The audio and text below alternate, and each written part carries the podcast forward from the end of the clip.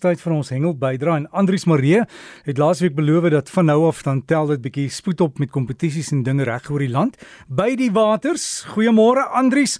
Het dit gebeur? Is dinge aan die gebeur? Môre sê Derek, môre sê aan die luisteraars, ja nee, Derek beses is nou afdraande pad al die pad tot by Kersfees vir die hengelaars nou. Hulle is nou met groot spoed by die water, Derek. Jy het vir ons hengelnuus en uh, die klimaat sien ek is ook in sekere dele van die land nogal erg warm en mense moet ook seker maak wanneer jy by die water is en ons brande dat jy maar net veilig wees, nee Andries. Ja, Derek, die probleem met dit is dat 'n mens kan baie maklik vasgedruk word in die water, ehm um, as 'n mens nie versigtig is met daai groot brande nie. So dit is beslis sodat 'n mens uh, wanneer jy dan in die buitelug is, jy weet ook maar ehm um, jou oog hou op dit wat rondom jou aangaan, beslis ja. En wat gebeur by die kompetisies of is dit nog te gou vir daai? Nee, Derek, die kompetisies is beslis aan die gang. Nou voordat ek daarvan vertel, Derek, moet ek hom net vir jou sê, dit lyk vir my die Suid-Afrikaners het nou uh, dit die tweede keer reg gekry om die waterstelsels in ons land baie negatief te beïnvloed. Die eerste keer was uh, toe 'n persoon besluit het om waterjasinte in uh, ons land se waterstelsel in te gooi en uh, ons weet nou almal dat dit nou al goed versprei het en uh, goeie voorbeelde waar ons die dam nou damme nou ordentlik beskadig het is by Hartbeespoortdam en dan ook by Civic Lake daar na by Benoni.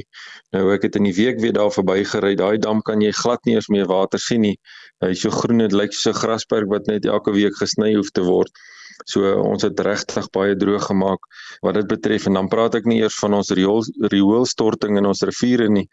Nou uh, die tweede keer wat ons dit nou reg gekry het, Derrick, is dat daar nou in die Vaalrivierstelsel uh water lettuce is en nou uh, dit lyk maar net soos 'n blaarslaai blaar wat ehm um, bo op die water dryf. Nou hierdie plante lyk dit vir my het op een of ander manier in die rivier beland en veral daar in die gedeelte bo kan die barrage ehm um, het dit nou verskriklik ehm um, versprei en gegroei. Daar was so in die afgelope week 'n klompie Facebook plasings van ehm um, ligfoto's wat geneem is en daar is ook van die oewereienaars wat begin het om dit skoon te maak. Nou dit die probleem met hierdie plante is dieselfde as die waterhyassinte hulle floreer in hierdie vuil water wat ons het want hulle eh, deel van hulle voeding is die uh, nitrate wat in die water is en daar was ook um, op RSG 'n praatjie gewees um, vroeër die week as ek reg kan onthou wat daaroor gegaan het. En uh, nou ja, omdat die water dan nou so vuil is met hierdie nitrate, kan hierdie plante natuurlik nou lekker groei en lekker aanteel en hulle teel aan teen 'n stinkspoed en uh, dit veroorsaak dan nou dat hulle die water so vinnig uh, bedek en dan neem hulle die suurstof uit die water uit. Um, hulle verhoed die sonlig om die water te kan penetreer en hulle beïnvloed die pH van die waterstelsel. So dit is uiters nadelig vir ons water. En uh, ek was so rukkie terug op die Vaalrivier gewees en ek het uh, ook Woensdag oor die Vaalrivier gery daar by Parys daar's reeds van daardie uh, plante wat ook daar uh, hier en daar so teen die uh, uh, kante vasdruk.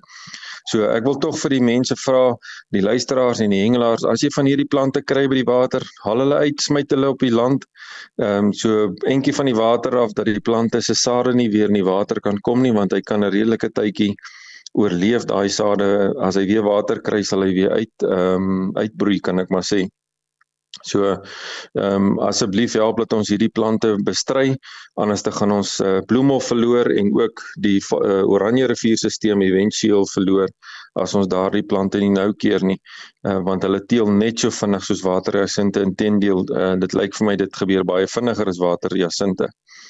So Derek terug na die hengel uh, by die Weskus is daar op hierdie stadium daar by Langebaan Veldrif daar aan die uh, kant van die uh, land is daar die surfcasting SA kampioenskappe wat plaasvind. Die dames en die mans is daar besig om te hengel. En op hierdie stadium het daar 'n hele klompie sandkruipers, pylsterte gevang en dan is daar ook 'n paar skaamhaie gewees en dan natuurlik die pragtige St Joseph shark of die Kaapse olifantvis. Daar het ook 'n paar van hulle uitgekom uh daar by die kampioenskappe. Vandag is hulle laaste dag en daar is uh, op hierdie stadium 8 provinsies wat daar deelneem. So volgende naweek sal ek uitslae hê en uh dan ook 'n bietjie foto's van daardie toernooi vir die luisteraars kan wys. Dan luisteraars verlede naweek uh, met die kompeterende hengel by Valdam lekker aan die gang gegaan. Die hengelaars het Valdam toegesak met uh, oeverhengel kompetisies. Daar was die alle Transvaal toernooie wat plaasgevind het en dan het die KwaZulu-Natal se provinsie ook hulle oeverhengelproewe by die Moelmans plaas gehou. Dis ook natuurlik daar by Valdam, 'n welbekende oewer. En uh, die vis het heel goed gebyt by Valdam laas naweek. Daar het 'n hele klompie karpe, babers uitgekom en dan natuurlik ook die moddervisse en graskarpe het ook lekker saam gebyt. So die hengelaars het 'n lekker tyd gehad verlede naweek daar by Valdam. Dan in die Kaap was daar nie baie bote uit gewees op die see nie. Uh min het maar uitgegaan daar in die diepblou waters toe. Daar het wel 'n paar geelfintinas uitgekom, geelstert en ook skipjack. Nou uh, die boot het so 12 myl suid van Kaappunt uitgegaan, so dis 'n hele paar kilometer wat hulle moes uitgaan om die vis te kon kry, maar hulle kon daarin slaag om daarmee 'n klompie te kry. Derek dan vertel John Peer Kleinhans dat hy nou al baie jare lank probeer om 'n 5 liter swartbaar of terwyl 'n 5 kg swartbaar te vang in Midmardam Nou uh, hy is baie opgewonde dat uh, hy toe nou éventueel kon regkry om sy 5 kg te vang. Hy het 'n pragtige foto geneem uh, van hierdie 5 liter bes wat hy vashou en uh, die luisteraars kan gerus gaan kyk op die Hengel met Breakfast se Facebookblad waar uh, John Pierre met sy pragtige groot bes uh, staan wat hy dan nou gevang het. Luisteraars dan by Sodwana het daar het uh, daar 'n pragtige dorado uitgekom van 23 kg. Nou Cedric het hom gevang en ek het ook 'n mooi foto geplaas van sy vangs. Dit dan uh, vind daar jaarliks uh, die oornag bootkompetisie uh, plaas. Nou uh, hierdie keer vind hy plaas daar by Rainfield Dam die 2de Maart. En uh, dis net vir die bote om te kan gaan hengel en dan gaan die Saterdag naghengel tot die Sondag toe. Daar's lekker groot pryse om te wen. Die uh, gemerkte karp gaan vir jou uh, 60000 randjies in die sak bring. So die mense wat belangstel kan gerus 'n e-pos stuur aan shane@c.mac.co.za om in te skryf of om bietjie meer inligting te bekom van die kompetisie. Gaan neem gerus deel. Daar's uh, altyd goeie vangste wat daar tydens daai naghengel sessie gevang word daar by Rainfield se dam. Dirk baie dankie. Dis die visserman stories van my vanoggend. Groetnis vir almal tot volgende naweek.